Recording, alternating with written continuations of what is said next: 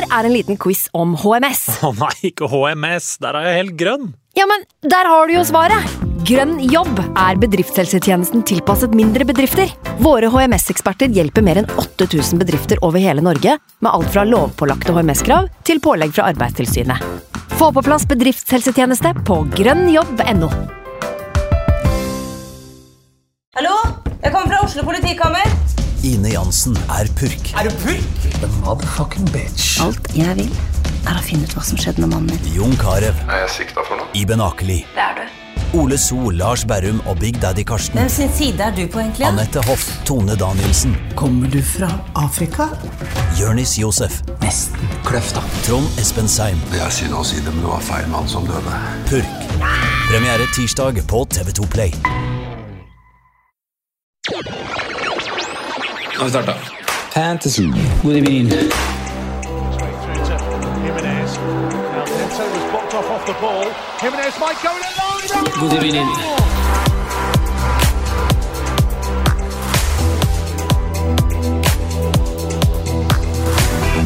Hallo og hjertelig velkommen til en ny episode med Fantasyrådet. Mitt navn er Sondre, og i dag så sitter vi her uten Frank og Simen. Velkommen til deg. Jo, takk. takk. Freaken, geeken, er på plass. Ja, Vi har aldri funnet hvem som er hvem. Nei, men nå er vi begge her i hvert fall. Men vi mangler vår eh, eminente leder. Men vi skal klare oss uh, greit uten det, tror jeg. Fordi vi har fått med oss en, uh, en kjent profil, en storfisk i fantasyverden, en liten gutt som har bursdag i dag. Gratulerer med dagen, Jonas Berg Johnsen!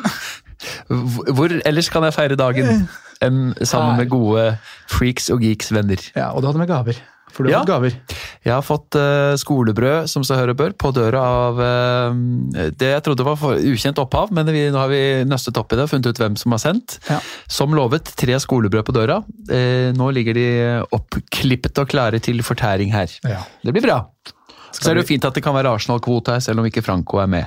Ikke sant? Vi trenger- vi trenger det. Vi trenger kanskje det. Trenger Arsenal-kvota. Ja. Vi, Du elsker jo Arsenal, gjør du ikke det, Simen? Dette siste par ukers uh, whining fram og tilbake om hvem som har mest grunn til å utsette kamper. Ja, jeg tror, jeg, jeg tror jo grunnen til at man liksom reagerer litt, er jo for at man har respekt. da, For jeg har jo sett at andre klubber har gjort det, og så reagerer man ikke på det fordi man liksom ikke altså Burnley, eh, Leicester, hva er det, liksom? altså Det er ikke der. Men eh, jeg har vel sagt min mening om, om saken, men eh, jeg, jeg står, står fint på det, altså. Jeg, jeg synes ikke eh, Det er helt innafor, da. Eh, Jeg synes det blir litt det samme som å ta seg en sykemelding fra jobb uten å være syk, eh, som jeg, som jeg sa, da. Eh, Jeg synes det liksom ligger på samme nivå, da. At man, man kommer seg unna med det, men eh, jeg syns ikke det er riktig. Men, men hvorfor blei det her så ekstremt drøyt når det var Arsenal som gjorde det? Jeg vet ikke. altså Det startet jo kanskje med at eh, det var veldig mye surmuling i Arsenal-miljøet mot Liverpool. Ja. For det, For det, det som da viste seg å være noe eh, Nei, jeg- falske positive osv. Og, videre, og konspirasjonsteorier. Jeg syns det er helt ok, og jeg kjøpte det når det, når det poppa opp, jeg også. At man er skeptisk til, til Liverpool. Men øh, sånn den utvikla seg, så, så er det på en måte må, må man legge den konspirasjonen ganske død kjapt, da. Absolutt. Etter, etter de 48 timene så kan man, man legge den død. Men uh, det er ikke, det er ikke jeg, jeg, reagerte, jeg fikk med meg både Burnley og Leicester og reagerer ikke på det. Men det er pga. som jeg sa, respekten til klubbene, kanskje. da, At man har Arsenal som den uh, Eller se på de som fortsatt den stormakten, da. Uh, Og, og storklubben som, som skal liksom ikke være en klubb med unnskyldninger, men skal være en klubb som, eh, som står fram og med ka- kassa fram. Ja. Jonas? Jeg tenkte på eh, Det er manglende transparens og eh, mulighet til å tolke og forstå reglene, og hvorfor ting blir avgjort som de gjør. Det er det jeg føler er hele bakgrunnen. Det er sånn klassisk ting som gjelder i fotball og stor idrett, egentlig. At de store, høye herrer og selskaper og organisasjoner avgjør ting og gjør ting. Eh, og de kan ha sine grunner til måten man lander på avgjørelser, men det er ikke alltid så forståelig. Og da er det bedre med transparens og åpenhet og god forklaring og full gjennomgang. Åpne søknader, åpne begrunnelser for hvorfor man gjør som man gjør. Ok, så får man kjøpe det. Nå blir det masse konspirasjoner og rykter og skittkasting. Helt unødig etter mitt skjønn, da. Og jeg kan forstå Tottenham veldig godt at de er hissige på denne utsettelsen, for uh... De var ganske rett på med, med en gang det kom De hadde statementen klar. Ja, faktisk. klar, Det var litt kult, faktisk, syns jeg. da. Eh, Jeg forsto veldig godt resonnementet i, i Tottenham sin, eh, sitt ståsted. Mm. Og så er det jo ganske mange som faktisk har reagert av, av nøytrale hold. Du hadde Gary Neville som var rett på der, du hadde Bielsa i går som var ute og uttalte seg og var fryktelig skuffa over sin, eh, sine kollegaer. så...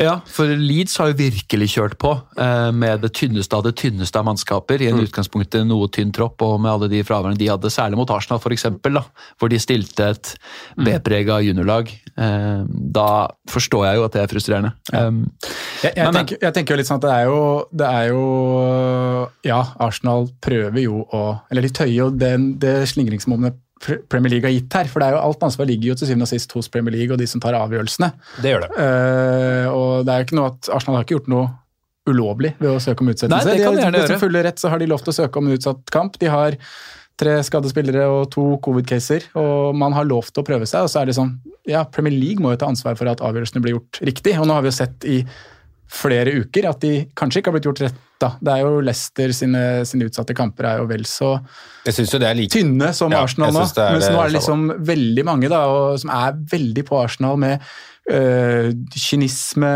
feighet, klubb uten ryggrad. Ting som bare er sånn Ja. Hvis man skal holde på sånn, så, Jeg har bare latt det si Altså, Ja. Jeg orker ikke å dykke for tjukt ned i den kaningryta, for Nei. det blir så eh, altoppslukende. Men uh, det er klart det virker rart når halve Leicester-laget er på dart-VM og, og spiser middag på Fridays, og, og resten tilsynelatende for sjuke til å spille fotballkamper, og de herjer i FA-cupen i helga fordi den kampen må de spille, og så får de utsatt en kamp tre dager etterpå. Det er, veldig, det er veldig lite forståelig, og Arsenal har jo satt seg i en vanskelig situasjon i stor grad pga. utlån. Helt Ja. ferske utlån også. Det er jo med på å skape den irritasjonen hos mange. da. Selvfølgelig er det det. Eh, og, men da kan det jo være sånn at det ene siste tilfellet med covid på Martin Ødegaard er det som vipper det i at de ikke får stilt, Mm. fordi de gjør Bakayo Saka eh, og Callum Chambers kanskje også eh, som skadede spillere. da, Hvordan de rapporterer inn det. Mm. Det er jo 100% tillitsbasert. da. Hvis ikke Premier League sender egne doktorer og sjekker spillerne, og det tviler jeg på at de gjør, det- så blir det jo at de må stole på det klubbene sier om hva de har av fravær. Så, ba, Så- bare for å si det, da, så tar man på en måte gitt at det, det som ligger ute, er, er, er det som er fakta. da. Nå, hadde det vært eh, sju covid-caser, så hadde på en måte mine øyne vært uh, annerledes, men, uh, Men det vet man jo ikke heller, da. Man kan, man, Nei, men er sånn- det- det som man, liksom ligger man sier mye og mener mye uten å egentlig ha innsikt. ja. Og, og klubbene har jo veldig ulike um, tilnærminger til hvor mye de går ut med av covid. Hvem har det? Eh, det jo- Noen forsvarer seg med at det er helse, privatsak privat. Ja, ja. osv. osv. Nei, men, men det Da har vi tatt brodden ut av den, i hvert fall. Ja. og Ja, ja, lagt, eh, lagt den lille diskusjonen eh, død. Eh, så får vi bare se når kampen blir satt inn. Det er mange matcher som skal inn. Men vi har også fått inn mange spørsmål til deg, Jonas. Så vi kan starte litt, litt utafor Fantasy Premier League-verden og bevege oss over til norsk fotball. Mange som spør om Fantasy eliteserie. Og Fredrik er en av de som lurer på om vi kan regne med noe spillslipp snart. Ja, nå er folk ivrige. Det er veldig gøy, da. Eh, Det er en del som har sendt eh, 2022. meg melding òg, som eh, er ivrig på det, og det er kjempekult. Nå starter jo sesongen ikke før 2. april, og vi har ikke pleid å ha lansering før rundt fire uker før. Nei. Vi kjører ikke så knalltidlig som FBL har begynt mer og mer å gjøre, og de tenker jo vil jeg tro, veldig kommersielt. Jo flere klikk de kan få, millioner inn i juni-juli, why not? Ja. Eh, Så Derfor har jo de nå begynt å åpne seks, sju og til og med åtte uker nesten før. Selv om det er ganske lite altså sånn sponsorer og sånne ting som, Ja. som synes på siden, men det er jo derfor de åpner. på en mm. Ja, og premien og sånn er jo en vits. Eh, og det er jo gratis å spille og så videre, så det er jo I don't know. Men eh, for vår del så handler det litt om eh, at jo nærmere sesongstart man kommer, jo mer informasjon sitter vi på, jo ferskere info kan jeg få fra klubbene sjøl. De er jo en viktig bidragsyter til eh, prissetting, f.eks. I midten av januar så er det uoversiktlig og ikke så lett å spå. Det vil også komme store endringer i form av overganger osv. som kan prege en, eh, en eh, viktig spillers pris opp eller ned i stor grad. og Derfor er det en grunn til å vente. Men er det men, du som eh, eh, du, du er på pris i år òg? Ja da, vi prøver det. En av flere? Ja, Ja. vi er en liten uh, komité, og så ut fra hvilken klubb det er, så sparer man litt forskjellig her og der, og sender ut litt til testing og fram og tilbake. Um, så det er jo alltid morsomt. Ja. Eh, alltid Alt, mye- alltid vanskelig. Ja, det er jo det. Men har du Eh, noen, har du noen eh, teasere til oss, eller? Er det mulig å få Ja, Vi har ikke kommet så langt. Jeg bare prøvde å legge ut litt om Runar Espejord, som jo nå har gått til Tromsø fra Bodø-Glimt. Ja. Eh, omvendt. Um, og Det er jo en eh, overgang som vekker sinnekok der oppe. Eller setter sinnekok og vekker oppsikt. Og da um, er jo det kjempeartig hvis han kan bli en sentral uh, spiss for Man kan jo Glimt ikke neste prise år. han lavt, altså, fordi det er jo det var, var det 17, skåringer, nei, 17 matcher i Eliteserien eller noe sånt, og null skåringer i det eh, oppholdet som var igjen på, på Tromsø nå, men kommer inn i Bodø-Glimt der og ja, ja. Det blir lignende Botheim, det, vet du. Ja, det er jo Ja. Kommer uten CV Eller Espejord har jo bedre CV enn Botheim. Ja, Man kan jo ikke prise basert på sannsynligheten at han skal være skada. Det er det. Det er det som er problemet, som folk ikke alltid eh, tar hensyn til når de argumenterer for sine valg av priser. da. Så um, Men sånn, han, han sånn var er en av de vi hadde fått spørsmål om. da, Espejord. liksom ja. 13 millioner, 12 millioner, hvor ligger det? En annen en var uh, Sandberg. Nik Ja. Bjørn Ramnås lurte på om uh, Niklas Sandberg blir plassert i forsvar. Vi får se litt. Han har vel aldri uttrykt veldig, uh, uttrykt veldig ønske om at han eh, har lyst til å spille back. Nei. Han trivdes jo ikke med det under Kjetil Rekdal i start, og det har vært litt mye fram og tilbake i karrieren hans, men nå er han jo heller der at han vil ligge i tier, Ikke eller en innoverkant, eller til og med indreløper. Indreløper. Så vi får se hva Viking tenker, da. Ja. Kan være heldig der. Det eh, kan godt tenkes. Vi får se om vi får en out of position Sandberg. Da vil han, eh, han blir nok ikke bli noen billig forsvarer, selv om eh, Viking jo slapp inn nesten 50 mål i fjor og hadde knapt nok en eneste smultring, så det er ikke sikkert at eh, han blir så dyr heller, hvis han faktisk skal være tiltenkt som back. da. Nei, det blir, blir spennende. Uh, det får vi se. Det får vi se. Uh, litt uh, allmenninfo her, så er det Sean Røskeland. Han, uh, han lurer på hvordan leiligheten din så ut etter du kom inn fra Tokyo. Det, det ble jeg nysgjerrig på, i hvert fall når Christian Wessel kommenterer 'plettfri'. Hva skjer her? Ja, altså Wessel uh, bodde jo der noen uker da jeg var i Tokyo, for han var Han litt det, ja. in between apartments. Ja, Ehm, og um, han virka som storkosa seg, uh, basert på liksom uh, stadige Snaps-oppdateringer og, um, og Instagram-stories, så var han i godt driv. ja? Um, han overtok jo en leilighet som var høvelig nyvaska og ryddig og ren, sånn som seg hør og bør når man uh, overlater den til noen andre. Og så eh, mente vel han at eh, den var plettfri da jeg overtok den tilbake. Men så er det da med Samme som når du flytter inn i kollektiv med kompiser. Du blir jo eh, av og til litt overraska over eh, nivået på hva man anser som eh, allmenn standard for enslighet. Og, Kan være og litt slags. subjektivt, det der. Det kan være subjektivt. veldig subjektivt. Og overflater og de store liksom, linjene var eh, absolutt kurante. Det er jo når man går litt etter i sømmene at det um, Gjør den lille ekstra detaljerte undersøkelsen der. Så ja, og jeg er heller ikke noe sånn eh, som har støv på hjernen overhodet. Um, men, um, men det var egentlig det var helt, helt kurant, altså. Basert sånn på å følge følge deg på sosiale medier, Jonas, så har jeg inntrykk av at den leiligheten din det er en sånn nachspiel... eh, Nachspielbule. Ja, Er det riktig? Samlingspunkt. Det er riktig, det. Ja. Um, alltid vært en sånn fyr som har fester. ja. Helt siden ungdomsskolen, um, egentlig. Men um, nå har jeg vært prisgitt to uh, utrolig hyggelige naboer som bor under meg. Småbarnsfamilie med to, uh, to uh, kids liksom, uh, i starten av livet, som har et toleransenivå som er helt ubegripelig. Um, og jeg får beskjed om at hvis festen varer til lenger enn seks, så kommer de opp med han treåringen. For da får eh, jeg overta liksom morgenstellet. Mens um, fram til da så er liksom det meste lov. ja. ja da er du ganske heldig med naboene. Ja, det sånn. vil jeg si. Jeg har fått melding sånn 0450. Nå står skyvedørsgarderobene eh, og dirrer av bassen i anlegget i leiligheten din. Ja. Så jeg bare lurte på hvor lenge det skal holde på, fordi treåringer sliter faktisk med å sove litt her. Og, og, og det kommer på en ikke passiv-aggressiv eh, liksom, måte heller. Nei. Veldig, veldig, veldig Var det du eller de som bodde der først? er så greie med meg. Ellers så kunne det ikke gått. Nei, Var det du eller de som bodde der først?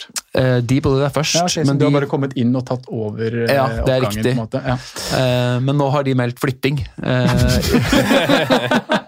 Jeg bare Nei, det er ikke pga. meg, håper jeg. Nei da, nei da, det var eh, det å bo i fjerde etasje uten heis med to unger. Nå var det de ville ned på bakkeplan. der. Liten bekkehistorie. Ja, så jeg, eh, jeg kjøper den. Ja. Mm. Men du Jonas, eh, når jeg la ut post i går om, om en ny innspilling, så var du rask på retweeten der. Ja. Bitter og gretten mann inntar studio. ja. ja. Det, eh, nå er det heldigvis mandag, det er en blåmandag, men jeg har jo bursdag i dag, så livet smiler jo, det er fint vær, og man kan jo ikke klage for mye. Og heldigvis på lørdag så hadde jeg liksom litt familiefestopplegg, så jeg så ikke Villa United, men nå har jeg sett kraftige extended highlights, da, og blir jo ikke noe mindre irritert på de 14 Bruno Fernandes-poengene. For dette handler om fantasy. Ja, ja, selvfølgelig. Eh, og innimellom så føler jeg jo at jeg ligger i min egen sofa i min egen misere og oppfører meg som en lite trassunge. Ja, og det er jo egentlig 100% patetisk, men samtidig så har jeg ikke noe annet utløp noen ganger. Hvis man ikke ser kamp sammen med noen, da er det mye lettere å bare slenge dritten ut i rommet. Ja, Mens andre ganger så føler jeg at jeg skal ha liksom en slags medfølelse på internett av andre litt. som er i samme gjørmegropa. ja, ikke sant? Ja, Jeg tror mange det- kjenner seg igjen i det der, i hvert fall i fantasy-miljøet. altså. Ja, men så har jo man ganske mange følgere som driter i fantasy, som Mm. overhodet ikke er interessert i det, og da er det jo bare støy. Og det er kanskje støy uansett. Ja, men, Mm. Men hvis vi tar eh, runden som vi er i, da. Vi er midt i en eh, Ja. amputert dobbel. Det er det. Og eh, jeg skjønner jo da at du ikke har Fernandes på laget. Nei, og da folk begynte å snakke om han i ulike fora som jeg var i, at Bruno skulle inn, så var det jo flere årsaker til. Hoved selvfølgelig at Son skada, ellers hadde jo ingen tenkt på det. Man har pengene i stor grad. Eh, Det er en fin placeholder for Sala, som du har skrevet blant annet. Altså sånn, alle disse gode argumentene for hvorfor man tar han inn, eksisterer jo, og taket hans er selvfølgelig enormt. Det fikk vi jo se igjen. Men jeg, basert på liksom alt det jeg har sett av United, som er ganske mye denne sesongen, så har han jo eh, etter Leeds-matchen mer eller mindre blitt borte. Og Ronaldos inntag har virket negativt også på han, ikke bare på, på Greenwood og Rashford og, og den slags, men han har jo virkelig mistet hele piffen. Og han skårer jo nesten ikke mål for Portugal heller, det er jo en helt annen, mindre sentral spiller der så lenge Ronaldo er på banen enn han er i United. Så han har jo egentlig vært litt i skyggenes dal nå lenge, til og med blitt benka så vidt der. Eh, selv om vi må jo gå ut fra at minuttene er høvelig trygge. Så det å liksom kjøpe inn han, med det premisset også at Ronaldo var meldt frisk og klar, var sånn eh, Nei, da ville jeg faktisk heller ha Trossar eller i klar mangel av kandidater, for de aller, aller, aller fleste hadde jo gått Madison. Hadde han vært eh, klar for to kamper, eh, er jeg også helt overbevist om. Så det er så mange elementer her som gjør at eh, folk landa på Bruno. Noen gjorde det også fordi de ikke hadde Ronaldo, som jo også var en kjempedeilig situasjon til syvende og siste City. Kanskje man hadde Kane, eller bare hadde spredd midlene på annen vis og hadde masse i banken. Um, Men du hadde altså råd, for du har da gjort Trossard eh, inn for Son her, ser jeg i transferhistorikken. Ja. Du hadde råd til å ta Bruno i den rollen? Nei, jeg hadde ikke det. Nei, hadde ikke det. Nei. Eh, Det hadde kosta meg finus fire, i tillegg til at jeg jo på wildcard i runde 19 sjansa på Dalot. Så jeg har jo trippel United fra før. Du har full kvota, du. Ja, Ja. Sånn at jeg jeg måtte da tatt ut Dalot for en 4-1. Det er Og det var det jo Det ingen interessante. ikke sant? Måtte, jo- jeg tenkte jeg, kan, jeg kunne gjort Dalot ut, fordi jeg var jo verken trygg på spilletid, og United slipper jo inn mål, og han har jo ikke blitt det puntet jeg hadde håpet på. Så det kunne vært helt i orden å dun- dun- dundre ut han også som for minus fire. La oss si jeg hadde fått en dobbeltspiller inn, da, en Brighton-forsvarer eller tilsvarende, så hadde det vært helt ok, men det fantes jo heller ikke. Så da, da ble det helt uaktuelt Ja. Uh, å ta minus åtte for det, liksom. ja, det er jo Så, Det skjønner jeg godt. Så jeg satt i en umulig situasjon, og så skjønner jeg at andre endte med å ta han inn litt sånn for the fun of it. Og det er jo kortvarig, ikke sant. Eh, Det må man ikke glemme. sånn at nå sitter jo dere helt kanon i det, og så ble jo straffen ikke bare ved at Ronaldo ikke spilte, som jeg mener at virkelig bedra posisjonen til Bruno i det laget, men at han skårer to mål på den måten er jo Ja. altså så utgjort at uh, det er liksom Jeg syns bare Ja, hva skal man si? Det er grisete, kan du si. Ja, det er skikkelig Det er grisete. grisete. Og jeg sitter jo her og er eh, Jeg er jo først og, alt, først og fremst veldig glad, da. Men jeg, jeg føler jeg har hatt en, eh, en stor dose flaks, som man jo skal ha for å ha gode sesonger i, i Fantasy Premier League. Så syns jeg man skal legge også til Grunnlov, for jeg er helt enig, jeg sitter jo mm, litt annen situasjon. da Jeg hadde råd til Bruno i- den posisjonen, og, og um, ikke hadde noen United Assets uh, da jeg på en måte gjorde bytter. Og, men jeg endte faktisk med at jeg ville ha Trossard over jeg også. Ja. Uh, men jeg legger også til grunn at jeg hadde ikke tro, Eller jeg hadde troa på en måte at eh, resultatet skulle bli sånn som, som det ble. Jeg hadde ikke forventa at United skulle vinne eller kanskje skåre to borte på Nei, det to på ganske tøffe kamper sånn Og egentlig. ja. egentlig det neste altså Nå har jo Brentford de to siste kampene vært ganske dårlige, da, så kan det fort hende at uh, favorittstempelet er mer skyva over på United enn det det var for da jeg gjorde beslutningen. Men Mm. eh, Jeg hadde liksom ikke forventa to mål, og kan hadde vært involvert i begge. da, så... For du var jo på jakt etter en kaptein til og med, du, når du gjorde det sånn ut. Ja. I og med at du sitter verken på Kane eller Ronaldo eller noen av de andre naturlige med dobbel, og da ble Riktig. Trossard-bindet til og med. Ja, det er spennende. Jeg, jeg vurderte jo faktisk, og det, vi, vi har jo en clubhouse for, for patrons eh, halvtime før hver frist, og, og da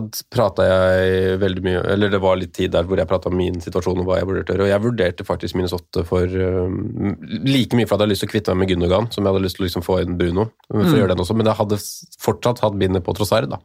Men jeg kunne, det var fort nære at jeg tok et enda minus fire for Bruno der. Trossard var jo nære å skåre mål, han. det sånn. Han var halv... Det var Cucurella sist òg, gutter. Og han, han kasta jeg inn i en minus fire, minus fire hit der. Jeg, jeg er 72 poeng. Mm. Og da er det jo Bruno Fernandes som da selvfølgelig ble kaptein når jeg bytta han inn. Jeg hadde ingen andre klare å gå til, følte jeg. Det var Du skjøv det opp mot topp 10 000, gjorde du ikke det nå? Jo, nå er jeg på 7000. Ja. Så det, var et. Vanvittig steg. Eh, bare sånn For å ta liksom kjapt hvorfor jeg endte på Bruno, så er det jo Du drar innom noen av argumentene der, Jonas. Jeg var jo veldig klar på tidlig i uka at jeg skulle gjøre Watkins eller Antonio til Kane helst. Kanskje Ronaldo. Men så kom liksom eh, på fredag det herre ryktene om utsettelse i Spurs-kampen. Da var jo ikke det noe aktuelt. Eh, Son ble skada, da burde han bli bytta ut. Ronaldo var ikke noe naturlig å gå til i og med at han var, han var meldt klar, som du sier. Men jeg hadde en følelse av at ja, du har to spisser som er 35 år. Eh, de kan få én kamp hver de, i den dobbeltrunden som kommer nå for Ronaldo sin del. Og da blir jo Bruno med ett mye mer attraktiv, når man tenker at Ronaldo kanskje ikke spiller en av kampene. Og, men det største argumentet for meg var, som jeg har sagt tidligere, det var at han var en fin placeholder for Salah. Og så kan man også si at, for jeg vet at du, du skrev det til meg, Jonas, de pengene kan du jo like så greit bare ha i bank, og så kan du ta en annen spiller. Men da vet jeg meg sjøl at jeg hadde blitt så sinnssykt frista til å bruke de pengene nå Ja. neste runde. Så nå har jeg de bundet opp i Bruno Fernandes og kan eh, med et par millioner i bank det er enkelt komme meg til Sala når den, eh, når den må gjøres i, i Gameweek 24. Jeg tror, det hadde, jeg, tror, jeg tror det hadde endt på Bruno hvis en av de kampene som- som var nå, hadde vært hjemmematch. Ja. Ja, ja, litt enig. Han er jo, eh, han Ja, er jo en hjemmespiller, kanskje. Altså, om han er det i stor grad, vet jeg men, ikke. nei, Men, men mer sånn fict- total Pictures-messig, for United. Brentford Ja. hjemme, liksom. Da hadde det Mm, vært jeg ganske tror de hadde vippa den veien. Men, altså, vi snakker om en spiller som har skåra ett mål da, i Premier League siden uh, runde fire. Ja, ja, ja. Det, det er jo som jeg, som jeg sa på Patreon nå, det det er jo ikke noe fotballfaglig vurdering bak å bytte han på. Egentlig ikke. Han har sett dårlig ut, stats er fryktelige, men Ja. man har liksom oppsiden da, ved at eh, Ronaldo ikke spiller. Og så var det det at han hadde hatt en litt mer offensiv rolle nå i de to siste kampene. Uh, Wolverhampton i ligaen og Villa-kampen i cupen. Mm. Da snudde jo Ragnhild om, gikk bort fra to spisser, spilte mer 4-2-3-1, og da ser man jo med en gang at Bruno Ja. får den plassen han trenger og den rollen han må ha da, for å være den ja, kreative spilleren er. samtidig som man på en måte ser at det liksom lugger litt, og liksom ikke har så lyst på vel, kanskje veldig mange Eller involverer seg egentlig i den United-offensiven. da. så- Men du har veldig mye mer lyst på Bruno når han spiller sentralt i banen, kontra Ja. Men, men premisset her, selvfølgelig når man ikke sitter med Ronaldo, var det jo lett å ikke ta han inn, men Mm. premisset er jo for oss som eier var jo at han ble mer eller mindre meldt liksom klar. Ja. Og han er jo sånn type som ok, et stort navn, enorm fysikk, litt Kom sånn hemmelighetskremmeri, og Ragnhild sier 'yes, we talked about it'. And, liksom, han sa jo etter kampen òg jeg forventet at han og Rashford skulle være klare til lørdag, nå var de ikke det. Håper at de er klare til eh, onsdag. Mm. Um, og så er det selvfølgelig 100 ting som kan skje som gjør at uh, helsa ikke var klar nok, da. Men eh, det ble på en, på ny en sånn perfect storm hvor jeg føler man uh, er på feil side av differansene, da. Og det er det som er så irriterende. For det er det du har meldt, i hvert fall i internchattene, og du har jo grunnlag for det også, men at du liksom Grunnen til at du på en måte er litt bitter, og, og sånn, er du ender alltid på feil side av de differansene. At du tar feil valg på, Ja, på diffene. At, uh, Du er med på mengdene valgene, men uh, ja, jeg har jo et veldig template-aktig lag. hatt, uh, hadde jo et lag som gjorde at jeg ikke tok wildcard før i runde 19, da vi måtte. Fordi jeg til enhver tid følte at jeg var for nærme å ha et OK lag til å gidde å kjøre kjøre wildcardet, da. Og det er også et bilde på at ja, jeg kjører veldig template, har 7, 8, 10 som er liksom mer eller mindre inne hos alle, så er spørsmålet hvor henter du de poengene dine på de små diffene du har? Eh, Og så når- satte du vel opp wildcard-lag i håp om å kunne bruke benchboost i 21-22? Ja, denne. Det, eh, jeg satte jo opp eh, basert da selvfølgelig all hovedsak på eh, Ben Crenlin og, og hva slags eh, kamper som lå foran oss. Så en million ting kunne skje fra Gameweek 19-deadline til denne runden, men jeg satt jo inn til og med fredag og vurderte benchboost, faktisk. Ja. Eh, Men så, da Fictures hadde kommet, så viste det seg jo at det i utgangspunktet ble da nærmest bare en single, eh, single gameweek benchboost i så fall. Eneste var at jeg hadde to keepere med doble. Det var nesten der jeg ble sittende igjen, etter at eh, ingen av de andre lagene som var forventet å få dobbel, i særdeleshet Everton, Ja. Liverpool, Eh, kanskje Arsenal. Den ble jo, kampen ble jo flytta, under utsettelsen til Liverpool. Ja. Westham Norwich kom jo en runde før. Så det var mange sånne grunner som gjorde at eh, det ikke ble den Fra å ha 13-14 klare dobbeltspillere pluss Cancelo, så hadde jeg plutselig bare en tre, og to av de var keepere.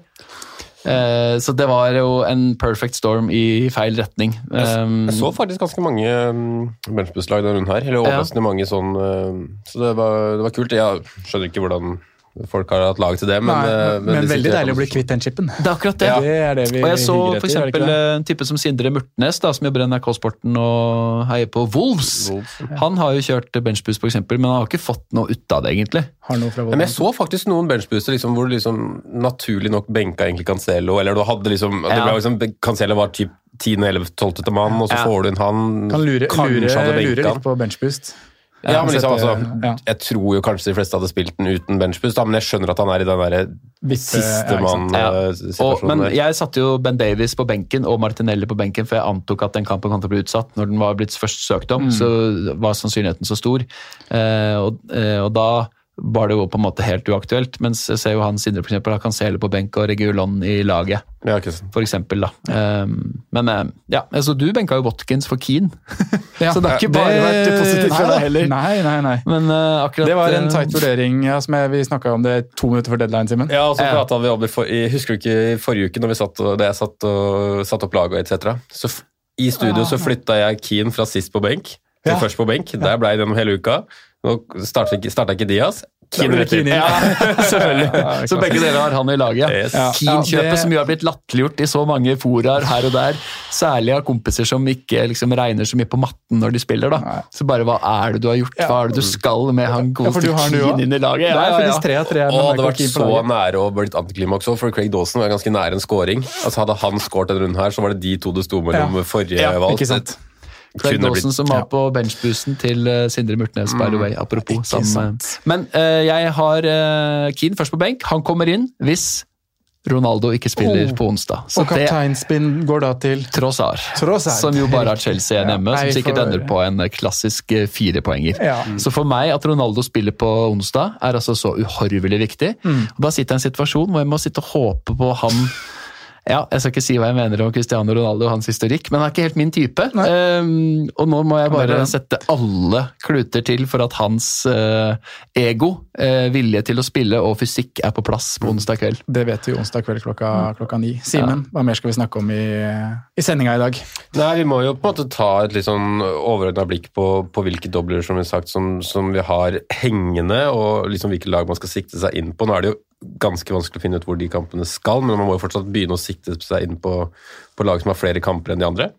Og så må man jo kanskje gå litt mer inn på Villa, som har gjort en del spennende signeringer. To mann inn der. Eh, begge viser seg for så vidt eh, fram, spesielt den ene. Så jeg tenker egentlig det kanskje er det aller viktigste, og så fylle på med litt krydder. Litt krydder, og på slutten så har jeg spalten De vi tror Franco ville hatt på perrongen. Veldig mange har stilt oss spørsmål om eh, Aston Villa, gutter. Eh, Det er et lag med to hengekamper. De har en kamp til gode som er borte mot Leeds. En hjemmekamp mot Burnley, eh, og veldig fine fictures eh, utover det også. Hvis vi starter med en liten eh, synsundersøkelse fra, fra helgens kamp mot United, eh, og kanskje ta for oss eh, nysigneringene først, Simen. Vi vil starte med en venstreback med navn Luca Dign. Jeg er litt sånn overrasket at han liksom går rett inn, samtidig som han, han har jo på en måte tyngden han har fått, altså han har sine sesonger i Premier League, og det er liksom, du vet jo på en måte at han kan, kan stole på, men jeg tror det er en veldig god match. Eh, og litt med det at uh, jeg er, jeg, jeg tror jeg sa det sist Jonas var i studio faktisk, at jeg, jeg rater Luka Dean veldig høyt av de venstrebekkene man har i, har i ligaen. Eh, offensivt så synes jeg kanskje han er blant som har den aller beste foten. Eh, kanskje ikke alltid den som kommer oftest i situasjoner, men at han har blant de beste, beste føttene. Jeg syns han egentlig er ganske lik Matty Cash, som gjør at de liksom kan rullere bytte fra side til side. Uh, Matty Cash kanskje litt mer fysisk, men uh, Luka Dean ikke så enormt mye involvert. Men altså, du ser jo på en måte hva de vil å prøve på, da. Ja. Uh, og så har de um, Skulle kanskje hatt en um, enda tyngre spiss, da, hvis man skulle vært helt sånn uh, grave ned på Luka, Deans potensial, men uh, Skulle hatt en Chris Wood der. Nei, men jeg synes jo Kevert Lund er hakket hvassere enn Watkins, i hvert fall i boks. Han er det. Eh, selv om jeg kanskje liker Wally Watkins enda bedre som, som spisstype. Men, uh, men jeg, vet, jeg tror det er potensielt at det kan bli fint. Eh, Danny Ings er jo, eh, smart på noen bevegelser der inn, gode så får vi se hvordan de, hvordan de nå etter hvert Jeg vil jo tro det blir en form for rotasjon, både i på en måte mønster og hvem som bekler de plassene på topp. da. Ja. Men det er en del smarte spillere som man kan, som kan pinpointe fra bekkene. altså. I tillegg til at Buendia og Coutinho og sånn er typer som kan tre han fint Mm. gjennom osv. De tallene hadde Everton 2021. Altså flest assist, flest sjanseskapt, flest pasninger inn i motstanderens boks og flest eh, crossere i åpent spill, i tillegg til Ja. dødballer. Det er forrige sesong under Det er Ancelotti. 2021 i Ja. Angelotti, Ja. i Everton som da var godt gående. Altså, I større grad i hvert fall enn eh, under Benitez i Ja, for under Benitez har han vel Men det, det, henger jo sammen med Benitez sin uh, filosofi og tankegang. Han, har vel, han har vel null assistere på det han har levert i Everton så langt. Ja. Og spilles din god, så er han jo helt fantastisk. Han hadde jo en god avslutning, hvor han kommer inn fra, fra venstre etter at ballen spredt gjennom feltet, og han i en relativt pressa situasjon får til et brukbart skudd, Ja. som DG redder. Så jeg føler jo at eh, tegnene på at han blir noe, er til stede fra start. Ja. Selv om Cash kanskje var egentlig bedre i kampen på lørdag. Og begge de to um, som du nevner da, Bund, Dia og Coutinho også, er to typer som er veldig glad i de der 45 ut. Så du har på en måte flere options hvis du får, tre- får ned mot uh, dørlinja der. Så um, Og prisen er jo tullete bra. ja, ja, Den er tullete den, er bra. fin, Den er altså. liksom ikke 5-9, det er 5 Nei. blank, altså. Mm. Det gjør liksom at han er et alternativ i, på så mange måter. Ja. Og Rett tilbake til Goodison uh, neste helg er jo uh, Ja. ganske kult. da. Og hvis det blir dobbelt på Villa, som jo er en f mulighet, vi får se hvordan det arter seg, så er jo det en god god mulighet for en minus fire egentlig der. Ja, for folk spør om akkurat det. da. da. Det er flere som skal, Noen skal erstatte det for eh, Chelsea-forsvarere, som vi har snakka om at eh, man kanskje skal luke av nå. Eh, noen vil kanskje ha en erstatter for Keane, hvem vet? Eh, Jeg skjønner ikke. nei, det er rart, er rart med det, men eh, det er vel naturlig da å se til Luka Ding. Ja, jeg har jo på en måte tre forsvarere som egentlig uh, Ingen krise, ingen must eller noen sånne ting, men uh, jeg syns det begynner å bli en del kamper for Diaz uh, ut av elver. Ja. Litt sånn vanskelig å time. Supersurt åttepoengssving for deg f.eks. nå. Ja, ikke sant? men samtidig så er det sånn før match så er det på en måte greit at den ikke spiller. Altså, du, Ja. kunne liksom, før matchen så kunne jeg jo egentlig like godt spilt Keane, sånn he- helt Ja, ærlig. ja. Eh, men, eh, men det er liksom bare det at eh, jeg, synes, jeg fikk jo Jeg bytta inn Diaz eh, jeg tror det var i runde 16, så jeg fikk meg et veldig bra run. Og jeg skal ikke klage, jeg, men, men man må jo på en måte se framover også. Mm. liksom når man eh, Skal man liksom gidde det? Um, jeg var faktisk ikke på veldig nærme vurdering, men jeg var på, på tanken om å gjøre Robertsen inn den helga her også. Eh, på den Ja. plassen der, men jeg måtte liksom prioritere byttene mine framover i banen. Da. Ja, og på en dobbeltspiller kanskje tross alt, da. Eh, Mm. ja. Selv om Robertsen i seg selv hadde en fantastisk kamp og jo fikk masse poeng, så liksom bytte inn en, en, er spiller med en enkel kamp, den er jo litt sånn. Du, dere er ikke venner. Nei, den- Timinga der går ikke, ass. Men, men dere nevner jo noen flere navn i, i Villa, da, hvis vi holder Ja, oss der litt og absolutt. går opp i neste ledd. De har nå ja, Vi må jo inn på Coutinho med en gang. ja, Goodison på lørdag. Uh, mulig dobbel gameweek, det får vi følge. Etter det så er det Leeds hjemme, Newcastle borte, Watford hjemme, Brighton borte, Southampton hjemme. Uh, og så liten tøff periode etter det, men da er vi jo ute i april. Uh, Coutinho, vi har Buendia, litt under der kanskje, men vi har også en, en veldig spennende unggutt i Ramsey, som koster mm. Ja. 4-6. Og hans formutvikling og sentrale rolle i laget, den eh, tiltar jo bare uke for uke, syns jeg. Mm. Uh, Fytti katta for en uh, gøyal fotball, eller sånn bra fotballspiller. Men er du trygg på spilletid der? Nei, det er, Er det det du er redd for? Det blir jo ikke det med Coutinho inn, fordi det blir på en plass mindre. Og så har Danny Ings slitt litt med, med skade, så liksom, jeg vil jo tro også han er foran i en eventuell konstellasjon sånn, når du velger, velger fritt. da. Men du så jo glimtvis under, eh, under din Smith at det, liksom, det var en spiller her som begynte å få mer og mer tillit. Og sånn, og så syns jeg hele Villa på en måte har fått en sånn fresh restart med, med Gerrard. da. At man um, har, med unntak av, av Brentford eh, kanskje, så um, har man levert uh, litt over det man skal. Mm. Ja. Uh, og har, selv om man har tapt både riktignok med både City og Liverpool og, og Chelsea, så har man vist seg vel, glimtet fra en veldig god side. Eh, ganske vanskelige for Liverpool å tre gjennom. Eh, de fikk nesten en sånn comeback-feeling mot City. altså De var nesten på et comeback, liksom. Og, og Chelsea, så, så hadde Chelsea litt mer kontroll, men de, de var fortsatt farlige. De var fortsatt vanskelig å liksom uh, slå fra seg. Så jeg syns Villa-laget ser, ser bra ut. Um, og moro også, da, at uh, syns jeg, da, med, med Steven Gerrard der inn som, som, eh, som styrer og har en ganske sånn enkel og, og rett Jeg tror ikke det er så vanskelig å, å forberede seg med den spillestilen de har. da. Det er liksom ganske rett fram, og de fleste er ja. vant til det type regime. Men, men hvordan skal uh, Gerard stable det med Det er som er eh, veldig gitt at Coutinho skal begynne å starte fotballkamper når uh, kroppen hans tillater å spille 70 pluss? Jeg forventer jo en sånn uh, innoverkant fra, fra venstre side, da. Eh, for det forventer en 4-3-3 sånn hvis du setter opp med nonstopper eller uh, taktikkbrett. da. At liksom, det er Da er det ikke plass til både Watkins og Ings. Nei. Nei, eller eh, en av disse framre tre må jo ryke, da. Mm. Hvis, eh, altså han ligner jo mest på Buendia i spillertypen, men de to sammen virker jo veldig spennende. Mm. Jeg syns jo egentlig kant. Ings ser bitte litt skarpere ut enn Watkins. Altså Watkins er jo ikke god til å skyte baller i mål. Nei, det er helt utrolig jo- at han har skåra nesten 30 i championship, syns jeg egentlig. Ja. Fordi han, har, han er ingen særlig god avslutter. Nei, For han er jo heller ikke på straffer. Fordi det ligger jo liksom i lufta at Watkins er det klassiske byttet man skal ta inn nå. Han Mm. har jo de sikre minuttene osv. Det er ingen som tar seg når det er litt igjen. Ikke, ikke Watkins osv. Men Han, jo, han har jo vært, øh, vært veldig mye snakka om den her presspilleren Ja. Watkins har vært, da. Men det var jo under for, forrige manager. ja da, men, uh, men men Gerrard skal ha gutta sine til løpet, han òg. Ja, og jeg det. tenker jo at de som har fått mye spilletid og tillit til nå under Gerrard, sånn som Ramsey, som har starta så godt som alt, Mm. spilt uh, mange 90 minutter, og det er jo et bilde på at han har gjort det godt, Mm. og at uh, Gerard ser noe der. Um, selvfølgelig, det har vært noe skader og fravær. Bailey er jo fortsatt ute. De har jo Nakamba ute, Traoré Tres, altså Det er vel mye forskjellig i Villa. McInn har vel trøbla litt. Mm. Um, så det er nå greit nok. Og nå begynner det da å bli mer skadefritt og litt å plukke fra. Så det er, 100% kan vi vel ikke være trygge på minuttene her, men Nei, egentlig ikke på noen. nei, ikke Kanskje helt på faktisk. Buendia? Ja, kanskje det nå, men, Men det han har jo ikke vært det til nå i sesongen. Nei. Har jo ikke på en måte slått til i det hele tatt. Det er veldig rart, Ja. Han er vel Bundia til nå, i hvert fall. Eh, Så er vel han i samme kategori som, som nåværende toppskårer i Championship. Altså liksom, eh, Nivået er kanskje toppen av Championship, da. Ja. Altså, altså, klarer du ikke å knekke den, den siste kneika. Mm. Nå har jo Bundia Sist han var oppe, så var han jo på ligaens svakeste lag. Det var jo for så vidt Mitrovic også, da. Altså, de, de må jo på en måte få prøve seg mer, men Mm.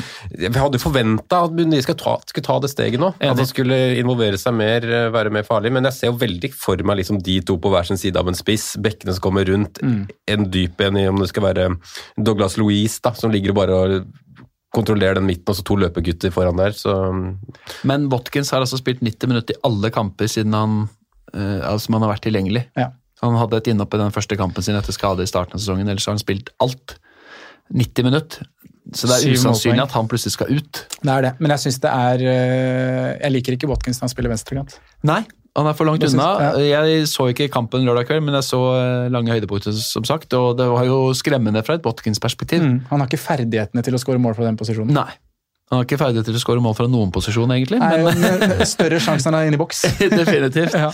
Ja, Så jeg det- som Watkins-eier er litt sånn der, jeg kommer jo ikke til å gjøre noe med han. Kommer til å sitte med han og håpe på at de får dobbel nå i 23 og gi ham mulighet i det programmet som kommer, men jeg kommer til å følge med på situasjonen. Eh, Jeg sitter uten Villa, jeg sitter uten Burnley, jeg sitter uten Leeds, som er de to Mm. alternative motstanderne de har i denne runden. Og jeg håper jo virkelig på at det ikke blir dobbel, selv om det er kult og litt fristende og sånn, men da ender jeg opp med en minus fire-kjør for Watkins og Dinjen. Ja. Og så sitter jeg der at jeg må ta nye minus fire for å få råd til Sala igjen til 24, istedenfor at jeg potensielt kan spare nå. Og tar- allerede tar er på etterholka. Alle, alle tar minus fire nå. så Jeg ikke- vet det hele tiden, eh, og de gangene jeg gjør det, så bommer jeg. Og de gangene jeg ikke gjør det, så angrer jeg på at jeg ikke for det. Så jeg vil helst at de kampene ikke plasseres ut nå, for de har allerede en eh, tropp på 15 spillere som jeg egentlig kan slenge i aksjon alle sammen, omtrent. Jeg, da- jeg, jeg håper litt på den, bare for å liksom Da slipper jeg å tenke. Da er det to klare bytter. Ja, men problemet er jo at hvis ikke du har Rafinha og Watkins, eksempel, eller Lauten og Watkins eller whatnot, eller kanskje Cash Watkins, eller hva som helst, så er du bakpå.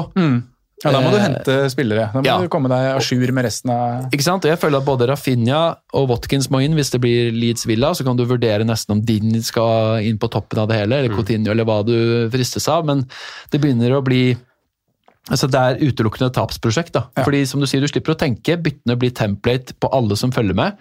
Men er det eh, en fordel når du sitter uten noen? Nei, det er en ulempe. Jeg sitter jo med Watkins, da, men eh, Ikke sant? Da, men, da skjønner jeg godt at du håper Da hopper bør på du det. håpe på Burnley hjemme. Ja. Slippe å tenke på Rafinha, bare få en ding, Yes. så, er vi, så er vi i mål, Simen. Hvis vi går over til å se på flere av de lagene som har innkamper, da, og, og, og utvide perspektivet litt. Eh, Det er mange lag å gripe over, men vi kan kanskje ta de som er eh, Skal vi starte litt i egne rekker, eller? Vi sitter jo alle alle har jo stacka bra, oppå på Everton f.eks. Ja, Hva tenker man der nå? Kjempefint program. Eh, Rafa ut. Det er jo utvilsomt en fordel, da, for Ja. der hadde jo ting tydeligvis blitt uh, mørkere enn mørkest. Der har ting blitt mørkere enn mørkest. Uh, Når de ryker fortjent borte mot Norwich. Nå så jeg ikke hele matchen, men eh, det var jo nesten ikke sjanser. Nei, det var ikke det. Og, Nei, det er um... Men de har tre veldig fine hengekamper Jeg som skal plasseres nå i det var jo litt av grunnen til at de skulle inn. De skulle ha fire kamper de, i 21 og 22, ikke, ikke to! Nei. Og ikke være så ræva! Ja, eh, det jeg tenker der er at Keane sitter på benken min mot Villa. Jeg tror de sliter mot Villa eh, fordi de er et dårligere lag. Ja, Nå kan det jo hende at Martinez kommer tilbake, et slags eh, sjokk-comeback. Mm. Hva som helst. Ferguson har jo kommet inn før og vært midlertidig, det gikk jo bra. Sikkert Ja, på ren, skjær energi og vilje. Det blir nok vilje. dunk mot Steven Gerrard i helga, tror jeg. Det, Det er også fett. eh, Ganske kult, faktisk. Uh, så uh, jeg sitter jo ikke noe godt med Everton, men uh, foreløpig har jeg både Gray og Calvert Lewin i elveren ja, til helga. Dominic- Dominic også. Ja, ja, ja. Det har vært kjempebra. Ja. Eh, men eh, det er jo verdens enkleste bytte han til Watkins hvis det blir dobbelt på Villa. Mm. Ja, men vi må jo, vi må jo Man må faktisk legge liksom eh, formen til side og liksom for, for man ser jo grunnlaget for de fire neste matchene. Da. Når du har Villa hjemme, Newcastle borte, Leeds hjemme, Southampton borte, så ligger det på en måte grunn, grunnlinja ligger der. Ja, da. og så de kampene som eventuelt skal inn, er liksom Leicester hjemme, Burnley borte, Newcastle hjemme. Så nesten uansett hvem, hvilken kamp som blir plassert inn, så blir det en fin dobbel sånn picture-wise. Ja. Og så får man bare håpe da, og krysse fingra for at man får en ny energi med, med Duncan inn. Da. Ja, men Eller ny trener Roberto Martinez. Um, det er jo en del runder her hvor det ikke går an å legge kamper, så det er ikke sånn at alle disse Nei ekstrakampene kommer til å bli plassert så raskt. Sannsynligvis er det vel uh, De unngår jo i det lengste å krasje med midtuke med Uefa-kamper, selv om de har blitt enige om at de må gjøre det. Det er, det er jo ikke noe annet valg. Um, og så er det jo denne internasjonale pausen, litt sånn odde nye greia med Asia, Sør-Amerika og diverse, som blir borte. I tillegg til Afrikamesterskapet. sånn at de, de har jo ikke så Bortsett fra at uh, de lagene som begge har økt i FA-cupen, som dermed kan få i runde 23 nå, så er det jo egentlig først i 27 det først kan komme en ny dobbel. Så det er et stykke til. Og så får vi jo bare vente og se hvordan de velger å plassere kampene. For Leicester sin del, for eksempel, som er i Europa fortsatt, så er det jo et kjempeproblem. Eh, De må jo bare spille så mange kamper der de kan. Ja. De har mange, de har, Leicester har vel uh, fire matcher. Chelsea, Norwich, Everton, Burnley er hengekamper for Leicester. Ja, De har fire stykker, i likhet med Arsenal og Burnley, som uh, kommer opp i det antallet etter runde 27 der. Så det er, um, det er mange, mange kamper. Det er det. Så de må jo bare spille. Uh, Leicester kan jo få en kamp inn i 27, men de har allerede mista sin i helga pga. det er Chelsea borte i, når de er i uh, klubb-VM. Ja, de blenker i 27. Ja, så det er så mange elementer her inne i bildet, og selv om eh, i utgangspunktet sitter jeg på et lag hvor nesten alle, bortsett fra Cancelo, har masse kamper til gode. Men jeg kan ikke sitte med alle disse i påvente av at de kanskje får doble i 27 Nei, 29 det, og det, 31 det er det og sånn. folk lurer på, spesielt rundt Everton. da. Hva gjør man med Dominic Everton, hva gjør man med Grade? Det er et wildcard før der, ikke sant? så man kan liksom ikke bare sitte og er akkurat det. Når man, kanskje det kommer en sånn um, Kommer det bolk om noen uker hvor FPL bare plasserer, eller Premier League setter ut alle kampene så godt de kan i lang tid framover. Eller så blir det en sånn uh, hvor man spiller ferdig sesongen, og så spiller man en mini-Burnley League etterpå, hvor alle skal møte Burnley etter sesongen. det kan godt være. Et eller annet. Men, uh, så jeg føler at um, Jeg føler ikke at Gray med den prisklassen er en sånn umiddelbar det er- Få Rafinha dobbel, Gray til Rafinha f.eks. for eksempel. Ja. Men uh, Calvert Lewin til Watkins, eh, ditt og datt, Keane setter han på benken. Altså, det er jo som regel der folk er, vil jeg tro, da, med Everton-spillerne sine. Og så Får vi bekreftet doble på dem tidlig, veldig bra. Får vi det ikke, ok, ikke noe å sitte på så lenge du ser hvor dårlig det er. Og så kan man jo tenke at det kan snu nå. Jeg ser jo for meg Everton Villa, ganske åpen kamp. Kan bli mål begge veier. F- eh, er min følelse. At det kan bli en to, tre, fire, fem mål. Også hvert fall hvis det, Når det ligger noen sånne dueller i kampen der som vi har prata om, med Ding tilbake, med Rafa borte, det ut med, med Gerrard mot, mot Everton, med, med Dunk, så kan det bli mange kule dueller. Coleman mot Ja. Ding, eller? Coleman mot Dign, ja. Den duellen, det, så, så er det jo Luka Dign har det vel vært en tydelig eh, mot, mot trener der, da, så Ja, vet jeg ikke hvordan resten på en måte har, har stått, da, men det blir jo veldig interessant. da. Jeg tror ikke Dign først og fremst drar fra Everton, jeg tror han drar fra uenighet med Rafa Benitez. Han virka jo lei seg over at det ble sånn, rett og slett. Eh, at han følte seg litt tvunget ut i det er så kulda. at, Benitez har jo røska så mye opp på den klubben. ja, og at liksom to dager før han får sparken, så går styret med på at de skal selge klubbens beste spiller. Ja. Angående konspirasjonsteorier, da, så kan man jo lure på hvilken agenda Rafa Benitez har hatt når, når man ser det i etterkant. Men det starta riktignok ganske bra. Ja. Altså, De så liksom fresh ut i starten. og nye Overraskende etter masse skader og Ja. sånn. Calvert Lewin rett fra start der, Stemmer etter en inn- trøblete oppkjøring. Så liksom litt sånn positiv og liksom nysignerende. med Townsend rett inn og scorer. Gray. Gray så fantastisk ut. Så det var Ja, liksom Gray var jo så ut som årets signering. Eh, altså, Gray har faktisk vært en ganske god Ja, signering. bra, eh, kanskje vært Evertons eh, Så jeg tenker over hva jeg har sett av Everton, er en av de kanskje den beste spilleren deres. Så. De eh, hadde jo 3-1-0 de første fire, og så røyk de 3-0 på Villa Park. I en kamp hvor de var klart snudde det. Stemmer det. Selv det var vel noe dødballmål ja, det var ganske jevnt, og så tok Villa over skikkelig mot, uh, Skåra tre mål de siste 20 minuttene. Mye dødballmål, husker Stemmer jeg. det. Jeg skulle bare nevne det når vi var innom eh, Da Jonas var innom eh, godeste Rafinha, så var vel det, helgens kamp var vel erketypisk fjorårssesongen, hvor han bare hva er det vi ser av en maktdemonstrasjon utpå der, og så blir det liksom en assist. Ja. Det blir liksom ikke noe mer enn det, men herregud som han styra og finta. Og Men er han en must, eller hvis Leeds får uh, dobbeltrunde nå mot uh, Hvem er de får da? De får Everton og uh, Villa, i så fall. Nei, Villa- Everton fra før. Men den kampen de har i utgangspunktet, er Palace Nei, Newcastle hjemme. Ja, Newcastle hjemme, ja. Og Villa hjemme. Det er ganske Hvis de får dobbel. vi- Newcastle og Villa. Ja, ja, ja. Han er jo en veldig fin spiller å ha uansett. Jeg syns han egentlig overraskende figurerer i veldig mange lag fremdeles. Ja. Ja, det har Eh, på noen benker gjennom- og sånn riktignok nå sist, men Stått gjennom stormen. eh, virkelig. Og han har jo vært deres soleklare talisman denne sesongen Mm. også, men har jo gang på gang på gang vært sånn som nå i helga. Enormt skapende, med på det aller meste, og så ender det med fem eller seks, kanskje sju poeng. Mm. Og det er jo det som er frustrerende med en sånn type som egentlig burde hatt 15-18-poengere jevnt og trutt. Han har jo ikke tosifra og liksom skåret uh, Har ti målpoeng på nå, Hvor mange kamper er det Leeds har spilt nå? 18? 19? 19, ja. Um, så um, Nei, han er er helt Jeg har sagt det så mange ganger, men han er en Aldri mer enn ni poeng. fantastisk. Det er helt utrolig. Litt sånn Raúl Jiminez-vibber. Ja, Ikke at ferdighetene er de samme, men poengfangsten i Premier, Ja, ja. Premier League er liksom ganske lik. Hvis vi, hvis vi tar og bytter over et par lag til her. uh, Arsenal Spurs skulle spilt uh, i går. Uh, Hvordan blir status framover der nå? Altså, er det sånn Er det mange som på en måte er tilbake igjen til helga? At man forventer at, at det går? Eller forventer man, på det- forventer man ytterligere utsettelser, eller er det liksom at man bare trengte å hente seg opp Arsenal? Eh, nei, der er det jo de som er borte på Afrikamesterskapet. Og så er det jo egentlig ikke alvorlige skader på noen. Ja, for det er mer sånn NOx-saka uh, Ja. Er jo fortsatt ute uansett, pga. kampen blir bare flytta. Ja. Eh, Tomiyasu var touch and go eh, nå mot Liverpool, kunne kanskje spilt helga. vet jeg. Smith Roe det samme, Saka det samme, Chambers ikke noe alvorlig.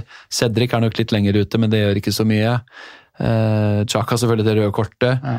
Um, så Martin for Arsenals del så er det jo litt sånn at det bare har blitt eh, litt for mye på kort tid. Eh, Mm. Men vi får jo sett veldig tydelig på torsdag hvordan det ser ut da, mot Liverpool i returen. Ja. Så der har vi på en måte et godt grunnlag for, eh, for å vurdere det. Og så er jo fristen fredag kveld, så den tenker jeg Arsenal hjemme mot Burnley ser jo veldig bra ut, det. Jeg kommer til å stå der med Martinelli hvis ikke det skjer noe spesielt. Ja. Er det den andre du ser til i Arsenal-laget? Altså, både Saka hadde jo Smith-Roe ganske lenge, eh, når han drev og endte med å være skada, men hatt benk hele tiden, så det var veldig deilig. Ja, Ja, ja, ja. da, absolutt. Flyt i form av at han skåra selv om han bare fikk 20 minutter, Ikke men ikke flyt i at han ble skada og mista plassen. Nei, Når han han var tiltenkt 90 en- Ja. ja da. For der, har man en litt annen case da, faktisk, enn de andre lagene, for de hengekampene som faktisk skal plasseres, er jo egentlig sånn ganske ufne, eh, ikke så pene For Arsenals del. For Det er fire del. tøffe lag. det. Liverpool hjemme, Chelsea borte, Tottenham borte og Wolves hjemme. Ja, så liksom ikke så fine, men på en måte, du har noe grunnlag her som i de potensielle rundene du kan legge til, som kan bli potensielt fine. da. Ja, Det er kamper jeg ser for meg lite mål i. I hvert fall tre av En god del av de, ja. Potensielt, i hvert fall. Tottenham Arsenal er alltid en åpen match. Ja, I hvert fall hvis Ben White skal drive sånn som han driver om dagen. Ja, han er bra. Um, Jeg må en si at ting som er med Arsenal, kjapt ville Arsenal, er jo at de er jo de to eneste lagene som har bekrefta kamprunde 30, når det er blank-runde i FA-cupen. Oh, ja. Så det er sånn liten ting man Ja. kan huske på hvis man ikke skal svi wildcardet før den tid. Da. At uh, Putter du inn Villa, Chelsea, Arsenal-spillere, så har de i hvert fall kamp i runde 30. Men med, det er lenge til. Med mengde av antall chips man har igjen på denne sesongen her, så tror ikke jeg legger så veldig mye vekt i det. Nei, jeg er litt enig i det. Jeg er litt enig i det. Hvordan er du på chips, Jonas? Jeg har uh, alle igjen. Alle igjen? Mm. Ja. Vi er stacka opp hele Ja, tiden. så nå sitter man jo bare sånn og venter, Venter. vurderer, ser. Altså, det- jeg kommer nok til å vente med benchpust, i hvert fall til eh, dette voldsomme covid-kjøret har roa seg litt. Ja. Og hele det. England har blitt smitta av omikron.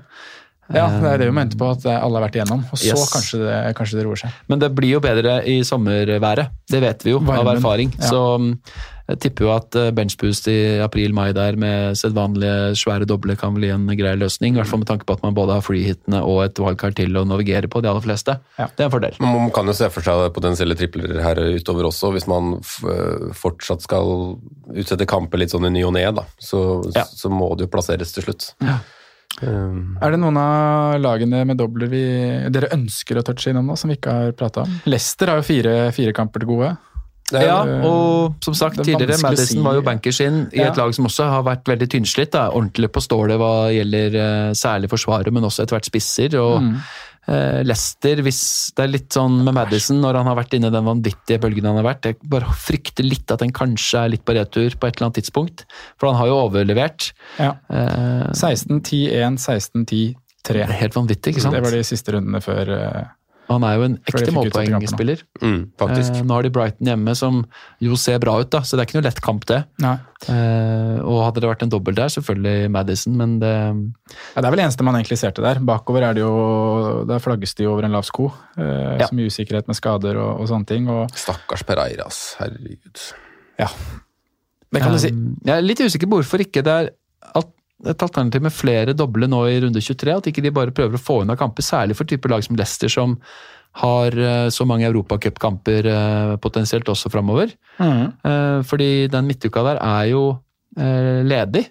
Scenario Og- at Leicester får inn en match der, da, Jonas. Ja, de har Nor Nor Norwich hjemme i tillegg til Brighton hjemme i Gameweek 23. eller Burnley borte, eller hva som helst. Altså. Ja. Altså, det er, Everton. um, Da er det Madison vi går til, da. Det er uh, utvilsomt. Det blir jo det. Eh, man, blir jo, man blir jo tvunget, som Jonas var inne på tidligere, her, at uh, når vi prater om tvungne bytter eller ikke, så, så man blir jo tvunget på et par spillere, gitt at det blir dobler. Man bare må på en måte få de, få de Det på. ikke an, det er ikke noe andre enn Madison man egentlig har noe sånn reell behov for å bytte inn. Jeg kunne liksom tenkt ja, Patson Daka, artig punt ja. når Vardi og Ianacho ikke er tilgjengelig. Kunne vært noe. Blokkmann og Tielemanns har sine oppsiturer, de også, men eh, litt så lenge Vardø er ute, så tar jo man straffer også, det virker det som. da. Mm. Men eh, altså, å sitte sånn og råde inn når vi ikke vet, er jo nesten helt umulig. og Det er 17 av 20 lag som har kamper til gode. Eh, Foruten Norwich så er det egentlig alle de har an- interessante spillere. Så det her blir veldig sånn fingeren i været, man må jo bare følge med. Det som er det overordna spørsmålet over tid er jo hvor mye skal man ta hensyn til at oi, der fikk Brighton en dobbel, å, der fikk det Leicester en føler jeg er liksom her nå, føler jeg som du sa tidligere, nå er på sånn minus fire-kjør. At man hele tiden Mm. hit der, hit der, hit der for å få på en dobbel Genvik-spiller. Og jeg tror jeg lærte litt den runden her, nå er den ikke ferdigspilt enda da. Jeg har jo en match igjen på Cucurella, men jeg vil ikke ta for mye hits for å få på dobbel gameweek-forsvarere. Eh, Kan man si at man lærte det samme å ta på trippel Everton før deres Det dobbel i 21? For eksempel. man si. For Ja, eksempel. så helt enig, Ja. men plutselig så får du de der wow, Ja. 21-poengerne. Ja, Fordi det er en tolver og en nier. men men er bare sånn, er litt yes! sånn ta det for det offensive, da. Ja, primært, ja. Rafinha, Coutinho, Ja, Bruno. kanskje. Bruno. ja. Men jeg må si jeg gleder meg til å liksom smelle chips nå og liksom få mm, krydre på med liksom sånne ting også. For det var jo når man lekte seg med, med freehit-lag i den liksom potensielle litt større dobbelen enn det vi fikk, da, Ja. så var det liksom kult å kunne se, se Matt Lawton inne der og liksom Jeg begynner å bli lei det forsvaret nå, selv om det har gitt meg veldig mye poeng i år. Ja. Så begynner jeg liksom å bli lei den Hadde setupen. du vært all in på free hit, double game week nå, droppa Cancelo, droppa kanskje til og med Trent, Mm. tatt Shota istedenfor uh, Bowen hadde ikke vært der. Nei. Uh, du hadde eh, måttet Du starter liksom på 30-40-50 poeng i minus Ja. mot det originale laget ditt, Ja. før du da skal hente det inn. Jeg hadde ikke hatt Bruno. Trent Eller altså Så hadde du hatt med Kane i en kamp. Ja, Ronaldo hadde det kamp. gått som man skulle gått, da For jeg tok ikke noen beslutninger etter at det ble, ble utsatt, så hadde jeg ikke hatt Trent eller Cancelo. Jeg hadde hatt Jota. Ikke sant? Og det, det er sånn det differ eh, 50-50. Men det skulle jo vært Minamino-dobbelen, den runden som var. Det har vi prata mye om. Ja, du, har, du har ikke flagga det her i pod, men du har flagga det andre steder. Ja, jeg tørte ikke det. trodde jo han skulle starte, gitt situasjonen som det var nå. Nå fikk jo evige ulykkesfuglen Oxlade Chamberlain en ny trøkk, da, så nå ser vi jo Minamino de to neste fra, fra start. Uh, Now we're talking. Så, Now we're talking. Er dere klare for å hoppe til spalten de vi tror Franco vil ha på ja, den er jeg veldig klar for. Veldig, for- veldig. Og så hopper vi til spalten. Franco nevner spillere som kan være aktuelle slags populære valg. Rådets spillevalg. Jeg tror jeg skal ta den uforberedt hver gang. Jeg tror det er bedre. Kjør den nye spalten. Det har jeg faen meg gleda meg til. Spalten på perrongen, eller i denne episoden de vi tror Franco ville hatt på perrongen, er spalten der eh, nå jeg da sier spillere som leverte runden som gikk, og som dere, Jonas og Simen, skal svare ja eller nei på eh, for kommende program. Eh, og jeg har jo tatt mange navn da for å helgardere meg, for å liksom være sikker på at dette er spillere som Franco ville hatt på perrongen. Eh, De kommer i tilfeldig rekkefølge, og vi starter med en eh, som ikke er blitt nevnt i episoden så langt, men vi har snakka veldig mye om, eh, om, om, om lagkameraten hans, Rafinha. Men Jack Jack, David Harrison Wow!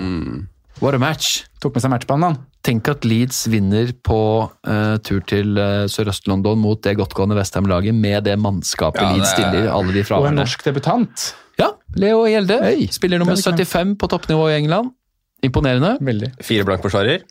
Yeah, bring it in! Men Ja. eh, skal vi få på Jack Harrison da, Jonas? Han har nå fire mål på de siste 150 minutta. Det må vel være til å leve med. Ja. Eh, han kunne jo hatt mer òg, vet du, mot Westham. Ja jeg Faktisk. så ikke kampen i sin helhet. Nei, jeg, jeg, jeg syns den var egentlig artigere enn Liverpool-Brentford, for den ga seg liksom litt sjøl, så jeg kikka mest på den. Um, Jeg hadde på Liverpool mobilen Brentford, altså, var på- det var en eh, Nå så ikke jeg hele, da, for jeg var litt opptatt, men eh, det, altså, Man blir jo glad når lag dominerer sånn, men det var en kjedelig match. Altså. det var det. Men nå var det Jack Harrison, Simen. Yes, og, Men eh, det som er greia med han, i forhold til Rafinha, som har klart å opprettholde sitt nivå i stor grad på tross av alle problemene Leeds har hatt, så har jo Harrison falt fullstendig gjennom i høst. Ja. Eh, slitt spillemessig, slitt uttellingsmessig. Var det noe covid der, eller? Ja. Vært, uh, vært sjuk, Uh, men har tross alt mange minutter. Men hadde ikke scora på de første eh, 18 rundene, altså. Ikke sant? Han Skåra sine fire, fire mål i Premier League, har han skåra nå på de to siste kampene. Og han hadde 18 målpoeng i fjor. Enormt. Ja. Han var jo nesten like bra som Rafinha, eller til tider egentlig et minst vi- like bra alternativ. jo- Husker du ikke du og jeg diskuterte det, Jo, han eller Rafinha, i Stemmer ganske tidlig i fjorårssesongen? Rafinha kom vel ikke inn før et par runder der i, Nei, i fjor, og, og Jack Harrison var jo den som var friskest, husker jeg, når vi alle hadde liksom øynene på, på, på Anfield i runde én. Ja. Så var det Harrison som var sammen kanskje med Patrick Bamford, som var liksom de to som var overraskende gode, da. Mm. Så um, Men får vi en Leeds-dobbel nå, da, for eksempel, og deretter et program som ser eh, ikke okay strålende ut, men helt ok, liksom, i ganske lang tid. Ja. Men det blir, jeg ser for meg at jeg skal slite med å liksom gå noe annen vei enn Rafinha likevel. Og jeg kommer pengene kanskje ikke er et stort issue. Ikke sant, og jeg kommer ikke til å doble. Men jeg har jo den, eh, i motsetning til deg, som nå har en placeholder i Bruno Fernandes. Jeg skal jo ha Salah inn, og jeg ser jo på en del ulike løsninger her hvor det blir, det blir dyrt å få han tilbake, nesten uansett hva jeg gjør, selv om jeg har mye bank. Sånn at eh, forskjellen på Rafinha og Harrison kan være forskjellen på en minus fire eller ikke få Salah inn. Da kan jo på en måte plutselig Harrison bli mannen jeg tar inn for Gray istedenfor Rafinha, f.eks. Plutselig. Mm. For å tenke litt sånn, og tenke litt Uh, Så du er på en yeah, ja, jeg vil yeah, ja, si at eh, Fordi han koster jo utrolig nok bare 5,5. Jeg syns egentlig 6 på han var ganske lavt inn det mot sesongen. Ja. Mm. Uh, og Rafinha til 6,5 var jo altfor lavt, og det er jo det han koster. Det er en million i differanse der nå. det er ikke så Det er en million som kan faktisk bety litt når Mo skal inn igjen, altså. For min del, så Jeg syns jo differansen bør være enda større for så vidt da, mellom Rafinha og Harrison, men jeg, jeg syns fortsatt at prisen altså det, det, ut, det gjør jo ikke at eh, prisen på Harrison er eh, høy. Eh, Jeg syns den er veldig fin, og, og får man en dobbel der, så skjønner jeg på en måte at, at mengden tar det inn nå med som Jonas- som sier, fire mål på de to siste. Får man en potensielt dobbel som i hvert fall én av kampene er veldig fine, så må man jo kaste seg litt på formspillere også, så mm, jeg, jeg kan Får de dobbel? Ja. Og greia er at han hadde jo også i fjor ofte to målpoeng hver kamp, eller i kamper. De 18 de kom litt sånn i bolker. Ikke sant? Eh, hvis han hadde dagen, så var det sånn boff, var han helt enorm. Og er en litt mer sånn sneaky type enn det Rafinha er, som på en måte kriger inn de målpoengene han får, selv om han burde hatt flere. Mm. Harrison er sånn, å ja. De har, to har en eh, kamp, Leeds vinner 3-1. Rafinha står igjen med en assist og har vært banens beste. Harrison har mål og målgivende. Eh, det er litt sånn scenario som kan skje, da, og da er det digg å ha han billige til en million mindre. Kjøper den, ja. Ja, jeg kjøper den halvveis. Jeg blir i hvert fall eh, mer og mer gira jo mer Jonas uh, Berg-Johnsen prater. Så jeg er på en, på en ja, jeg òg. Ok, ok. Ja, liten, liten ja, selv om jeg hadde jo valgt Rafinha over, helt klart. Ja. Eh, vi drar gjennom et lag, vi, lag og spillere vi snakka om i stad. Eh, kort og godt på Ramsey. Yeah or nay, Simen? Altså Prisen gjør jo at måte, det er greit å bare liksom ta en sjanse, men må, da må du på en måte tenke at du har den som 12.-13. mann og dytter den inn her og, her og der, syns jeg. da. Eh, jeg syns ikke han har vist nok til at du liksom kan bruke den som, som femtemann heller, men eh, jeg tror uh, Ramsey har, uh, slik det har utvikla seg, en, en, en bratt kurve. Så um, det kan, uh, kan løsne til enda mer målpoeng der. Altså. Så Um, jeg blir i vippen, men um, som en femte forsvarer så sier jeg ja. Forsvarer. Midtbane, midtbane, ja. femte Og etter hvert så vil jo pengeproblemene begynne å klemme seg litt på her, og man kanskje lander på at man må, eh, istedenfor å spre midlene så voldsomt, ha en femte midtbane, sånn som man har vært vant til. Og med tanke på at Villa har rengekamper, og at han jo ligger i den ganske målfarlige indreløperposisjonen der, hvor det, jeg syns ikke det er et blaff at han har fått med seg noen poeng her og der heller. Nei. Det gjør at jeg er positiv, men enn så lenge så er jo ikke penger et stort issue. Men for eksempel, jeg ser jo at jeg mangler halvannen inn på å ta Sala direkte inn. Det Trossar Kanskje blir til Ramsey, som da blir en grei mann å ha som 14.-15. mann i troppen. Eh, Men samtidig surt å binde opp en Villa-spiller dersom han skulle både én, potensielt miste plassen, to, at Coutinho eh, virkelig stiger fram, i tillegg til Dinho og en Watkins, for eksempel. Da. Ja, da får Villa en veldig fin dobbel, så så er det jo som du sier at da skulle man jo kanskje hatt eh, Dign, eh, Coutinho, Watkins akkurat i den dobbelen. Eh, kanskje man ikke prioriterer det hvis man ikke har noen fra før, men sånn helt teoretisk så vil man kanskje ha de tre da, i en sånn dobbel. Ja. Jeg er også på et ja på, på Ramsey, altså. Men da, det er liksom det med hovedargument, som du sier, Jonas, at uh, mange er i Salah-knippa nå. Det kan løse mye pengemessig.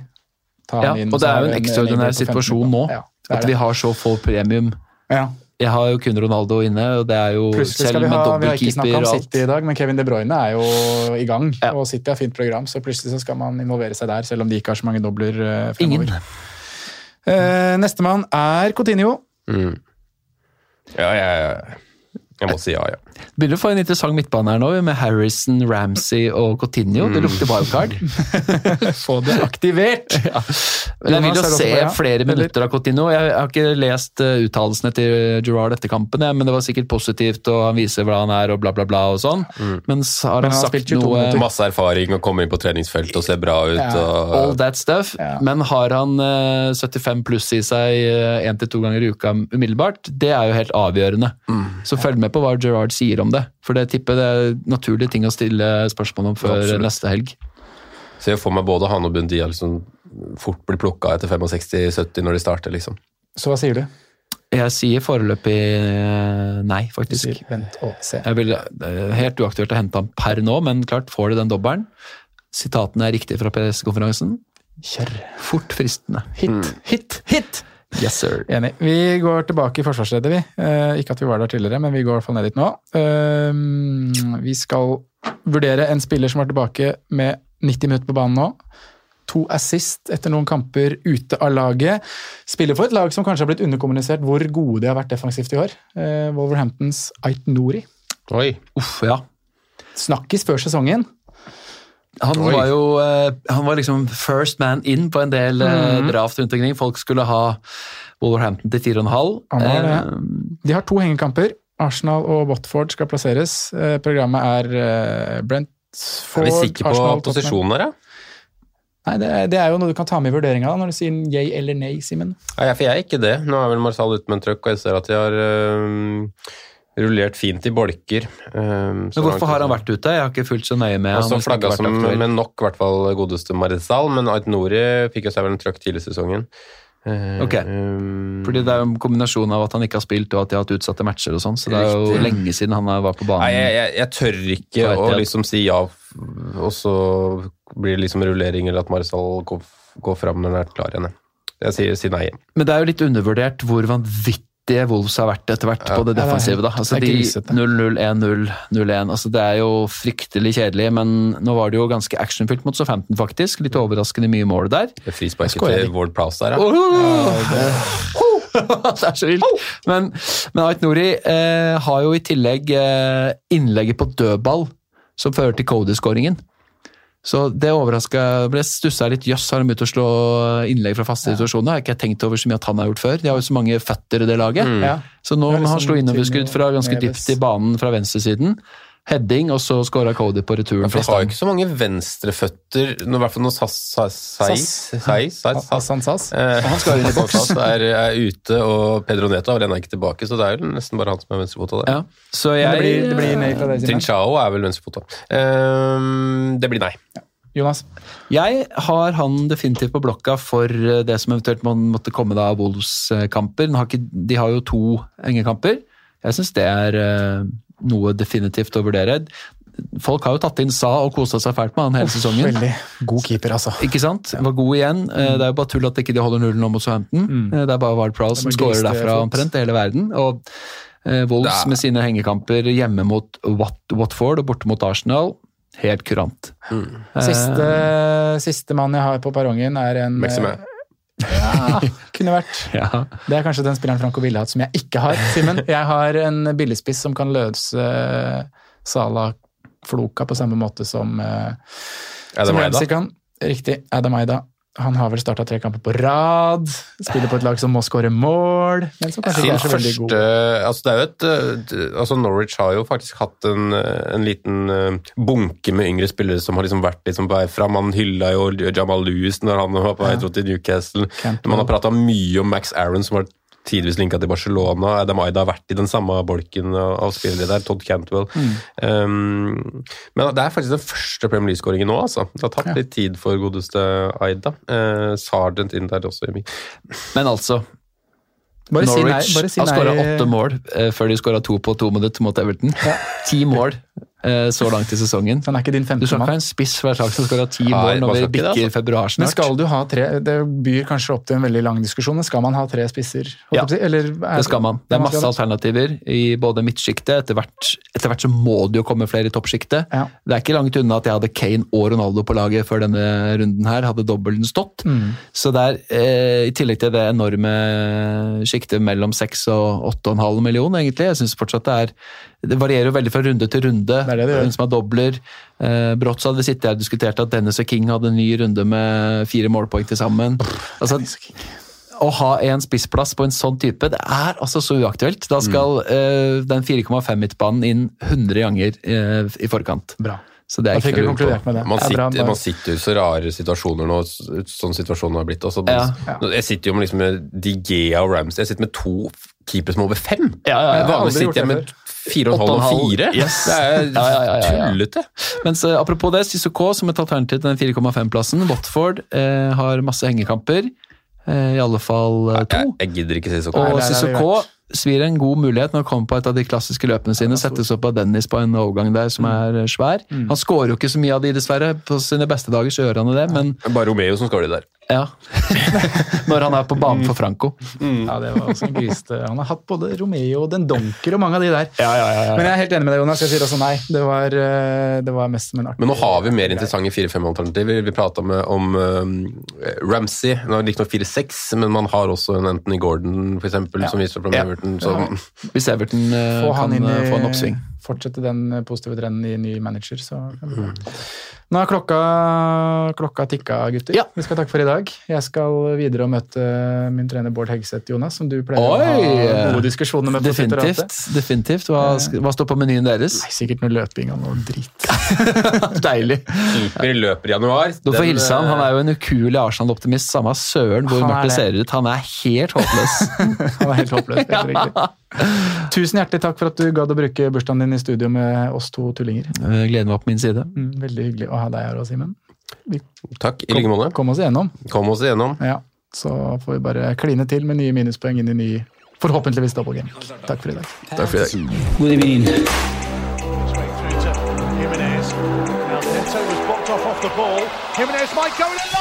Good Jimenez.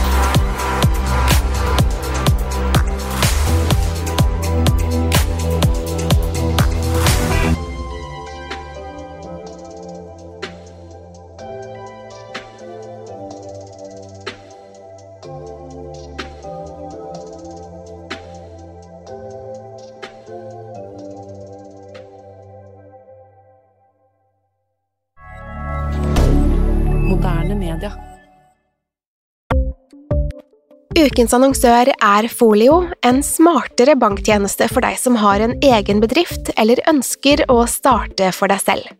Folio er en superenkel nettbank for bedrifter. Som kunde i Folio får du en bedriftskonto med et bedriftskort og app. I denne appen er det smarte løsninger som forenkler regnskapet ditt, uansett om du har en liten bedrift eller et enkeltpersonsforetak. Folio er både intuitivt og brukervennlig, og er laget med et enkelt språk. I tillegg tilbyr de forutsigbare priser og ingen skjulte gebyrer. Skulle du likevel trenge det, så kan du snakke med deres raske og hyggelige kundeservice, og der får du prate med en faktisk person og ikke en chatbot. Folio er med andre ord både enklere og koseligere enn banken.